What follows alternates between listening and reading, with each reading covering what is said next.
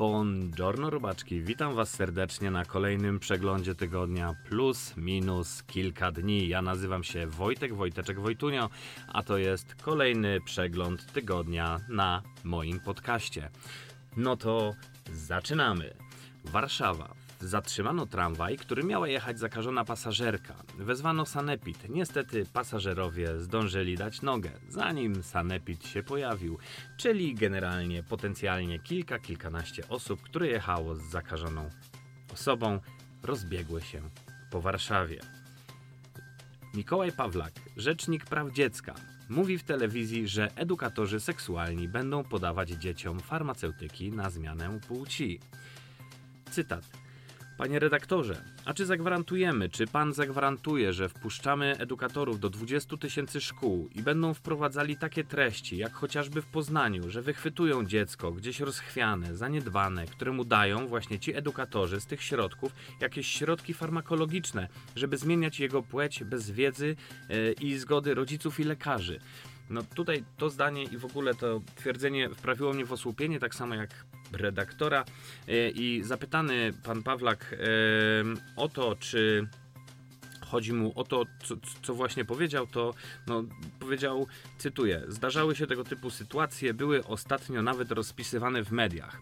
Później okazało się, że znalazł to w jakimś tam portalu jednym, to nie do końca w ogóle sprawdzone, no bo wiadomo, nie ma farmaceutyków, które zmienią płeć po prostu. Nie jest tak, że bierzesz pigułkę i nara. No ale potem zrobił się z tego szum i pan Pawlak powiedział, cytuję, nigdzie nie powiedziałem, że to się działo w szkołach. Kurczę, no to gdzie ci seksedukatorzy w takim razie? No może w kościele, bo ja słyszałem, że pod kościołem można się dowiedzieć, jak zmienić płeć. A sorry, sorry, tu chodziło o piec. Wniosek z tego bardzo prosty. W każdej warstwie społecznej brak elementarnej wiedzy może być problemem i powodować nieporozumienia. Szkoda, że edukatorzy nie rozdają pigułek na zmianę pieca. Może mielibyśmy czystsze powietrze. Moi drodzy, kolejny news. W Jeleniej Górze w miejskim autobusie miała miejsce interwencja polegająca na wyciągnięciu i zglebowaniu mężczyzny na oczach dzieci. Internet obiegł film, który był końcówką interwencji, kiedy dwóch naprawdę rosłych policjantów wywleka wręcz delikwenta z autobusu przy wtórze płaczu dzieciaków, krzykach i ogólnej atmosferze gestapo. Pojawiło się mnóstwo opinii, głównie opisujących to jako brutalność policji. Wiele osób, w tym ja, dało się na to nabrać, bo po publikacji całego nagrania, kiedy gość rzeczywiście zachowywał się karygodnie, dzieci doskonale wiedziały, że nie wolno być im w autobusie z hulajnogą elektryczną, znaczna część zmieniła zdanie. Moim zdaniem stosunek użytej siły mimo wszystko, biorąc pod uwagę gabaryt policjantów versus gabaryt zatrzymanego, był jednak nieco nieadekwatny, zwłaszcza i głównie ze względu na to, że wszystko działo się na oczach dzieci, które nie były tak naprawdę niczemu winne. Poza tym nie chodzi mi teraz już o szukanie winnego, bo to raczej jasne, kto jest w tej sytuacji winny, tylko empatii wobec dzieci, które w tym wszystkim były poszkodowane najbardziej. I tutaj, moi drodzy, właśnie tutaj, cały na biało powinien wkraczać wcześniej wspomniany rzecznik praw dziecka. No cóż, ale tymczasem z najnowszego numeru kwartalnika Dziecko, e, Dziecko Krzywdzone Fundusz Sprawiedliwości podlegający Zbigniewowi Ziobrze polecił usunąć artykuł dr Ewy Kusz o prewencji wykorzystywania seksualnego dzieci w kościele. Oczywiście pod pretekstem chrystianofobii. No i prawdopodobnie bycia antypolką, lewaczką i w ogóle najgorszą. No bo jak żeby inaczej. Wiadomo, że lewactwo i antypolacy chcą edukować te dzieci i uczyć je różnych złych rzeczy. Na przykład tego, że to nie jest spoko, kiedy ktokolwiek je dotyka w miejsca intymne, nawet jeśli jest to ksiądz. A w usuniętym tekście napisała, no że między innymi w Polsce nie jest pod tym względem najlepiej, no a także, że, do, cytat, doświadczenie kościołów w innych państwach pokazuje też, że bez zmiany mentalności wszystkich członków kościoła, jak również bez powszechnego w całym społeczeństwie podjęcia działań prewencyjnych, Proces tworzenia kultury prewencji jest bardzo powolny. Struktury kościoła nie istnieją w próżni, ale w konkretnym społeczeństwie i są uwarunkowane polityką, jaką w materii prewencji prowadzi państwo. No ale oczywiście to za bardzo ugodziłoby w mariaż władzy z kościołem, bo wiadomo, Kościół lubi władzę za kasę, a władza lubi Kościół za elektorat. Nawet sam prezes Kaczyński podczas swojego przemówienia w Toruniu powiedział: Rodzina Radia Maryja to dzieło budujące nasze przetrwanie. On chyba nie miał na myśli na przykład mojego przetrwania, a jestem obywatelem tego kraju, a także powiedział, że należy kłaniać się w pas ojcu dyrektorowi i innym ojcom i tak dalej. No z taką rekomendacją, moi drodzy, nie sposób odmówić. Następny news, moi drodzy. Spółka Skarbu Państwa Innowa z grupy KGHM ma nowego prezesa. Nikodem Matusiak ma 34 lata i nie ma wykształcenia związanego z pełnioną funkcją. Skończył studia licencjackie na Katowickiej Akademii Wychowania Fizycznego, a następnie studia magisterskie na Politechnice Śląskiej. Ukończył także studia podyplomowe na AWF w kierunku menadżera sportu i turystyki oraz zarządzanie nieruchomościami na Uniwersytecie Ekonomicznym. Mówi się, że o jego wyborze zadecydowało doświadczenie. Był pełnomocnikiem zarządu i dyrektorem w Jastrzębskiej Spółce Węglowej, a także był projekt, projekt, projekt, projekt, projekt menadżerem w czeskiej spółce górniczej OKD. Oprócz tego jest synem posła PiS. Może to wszystko wystarczyło, by położył na łopatki konkurencję, oby nie położył spółki.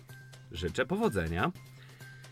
Kamila Andruszkiewicz natomiast, żona wiceministra do spraw cyfryzacji, która dość nieoczekiwanie dla wielu osób została prezeską Fundacji Agencji Rozwoju Przemysłu, zrezygnowała niedawno z tej funkcji, tłumacząc swoją decyzję dbaniem o dobre imię fundacji. Podkreśliła, że doniesienia o jej rzekomych zarobkach na tym stanowisku są nieprawdziwe. Cytuję. Odnosząc się do publikacji medialnych na temat objęcia przeze mnie funkcji prezesa zarządu Fundacji Agencji Rozwoju Przemysłu SA, oświadczam, że złożyłam rezygnację z tego stanowiska. W aktualnej sytuacji doszłam do wniosku, iż wszystkie pozytywne działania fundacji pod moim kierownictwem są i będą oceniane nie merytorycznie, a przez pryzmat mojej osoby. No, ja na przykład, koniec cytatu. Ja na przykład ośmielę się tutaj nie zgodzić, ponieważ gdyby funkcja zapierdalała jak pociąg towarowy, nikt raczej by się nie przyczepił, a tak niestety w mojej ocenie wygląda na to, że za dużo ludzi po prostu się zorientowało, za duży szum się wokół tego zrobił, no i jednak temat nie pyknął. Tymczasem, jakiś czas temu prokuratura po cichu całkiem umorzyła śledztwo w sprawie podejrzenia defraudacji unijnych pieniędzy przez partię Zbigniewa Ziobry, a teraz ukazało się uzasadnienie. Chodzi o to, że Solidarna Polska urządziła partyjny zjazd, twierdząc, że to kongres klimatyczny, bo dzięki temu dostała pieniądze z Parlamentu Europejskiego. W, uza w uzasadnieniu umorzenia prokuratura przekonuje, że na konwencji partii Ziobry pojawiły się tematy dotyczące klimatu. Nie jest do końca całkiem mimo wszystko jasne, kto i kiedy miał je poruszać. E, chodzi o konferencję Solidarnej Polski z 2013 roku, e, w której brali udział e, tacy działacze jak Zbigniew Ziobro, oczywiście Jacek Kurski czy Patryk Jaki. Na tej konwencji, na tym kongresie klimatycznym prezentowany był projekt nowej konstytucji. Ciekawe, czy były w tej konstytucji poruszone kwestie klimatyczne. Może to o to chodzi. No i uzasadnienie, właśnie zdanie prokuratury, znaczna część konferencji faktycznie dotyczyła spraw krajowych, ale sprawy dotyczące pakietu klimatycznego były tam również obecne. Czyli podsumowując, zacytuję za fanpage'em sekcja gimnastyczna, prokuratora Ziobry, gdzie prokuratura Ziobry, gdzie prokuratorem generalnym jest Ziobro, umorzyła sprawę Ziobry, gdzie Ziobro nadzorował śledztwo w sprawie Solidarnej Polski, której szefem jest Ziobro. A Ziobro pozostaje w tej sprawie bezstronny. Czego nie rozumiesz?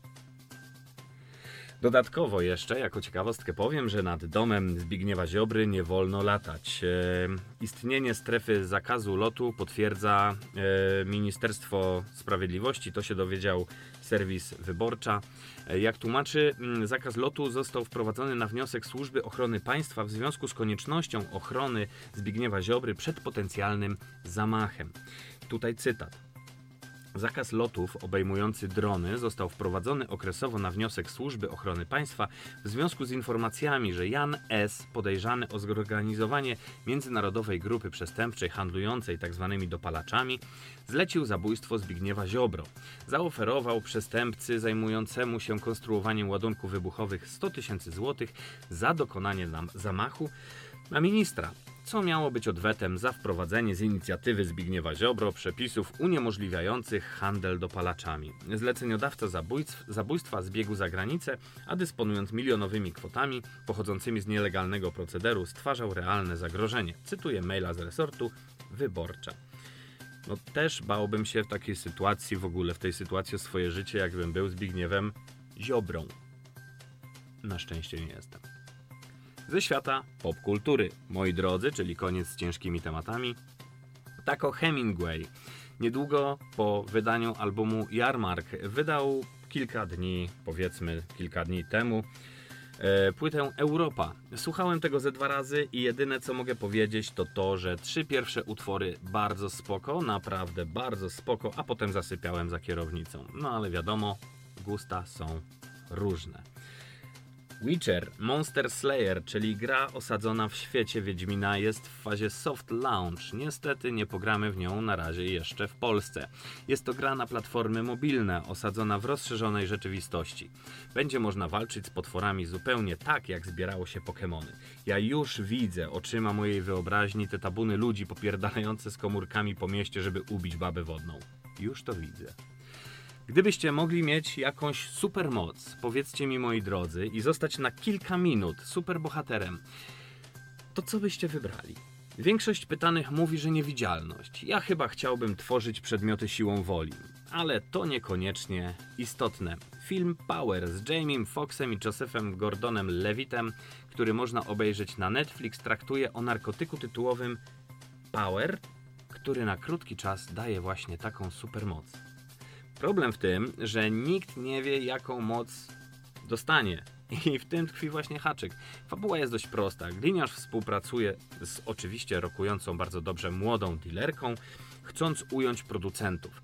Do tego dochodzi były żołnierz, który kulą się nie kłania i na życiu mu niekoniecznie zależy. No i więcej wam nie powiem o fabule, za to powiem jak to widzę. No, Avengersi to to nie są, słuchajcie.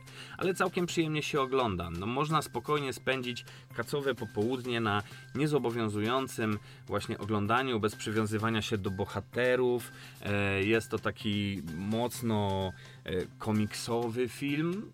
I tak, ogląda się całkiem miło. Zaliczam go do kategorii spoko na kaca.